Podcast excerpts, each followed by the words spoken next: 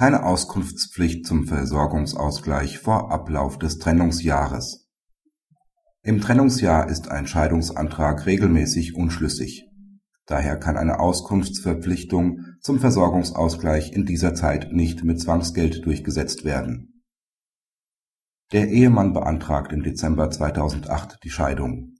Laut Ehefrau leben die Parteien seit Mai 2008 getrennt der Ehemann trägt zuletzt vor, dass eine Trennung im Februar 2008 erfolgt ist. Die Ehefrau füllt die Fragebögen zum Versorgungsausgleich nicht aus. Das Amtsgericht droht ihr deswegen im Januar 2009 Zwangsgeld an. Im Februar 2009 verhängt es das Zwangsgeld. Die Beschwerde der Ehefrau hat Erfolg. Voraussetzung für eine Verhängung von Zwangsgeld nach 11 Versorgungsausgleichshärtegesetz und § 33 FGG ist die wirksame Androhung. Die Androhung im Januar 2009 ist unwirksam, da zu diesem Zeitpunkt selbst nach dem Vortrag des Ehemanns das Trennungsjahr noch nicht abgelaufen war. Der Antrag auf Ehescheidung war damit unschlüssig.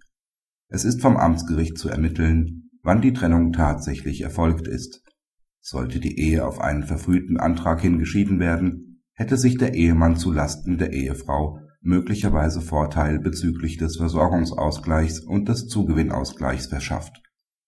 Praxishinweis Mit Inkrafttreten des Versorgungsausgleichsgesetz und des FAMFG am 1.9.2009 kann das Gericht gemäß 220 Absatz 5 FAMFG Fristen zur Auskunftserteilung setzen und einen Beschluss erlassen, welcher die vorzunehmende Handlung genau beschreibt die Vollstreckung dieses Beschlusses erfolgt gemäß § 35 FamFG, wonach sogleich ein Zwangsgeld angeordnet werden kann, ohne vorherige Vollstreckung sowie unter Umständen auch Zwangshaft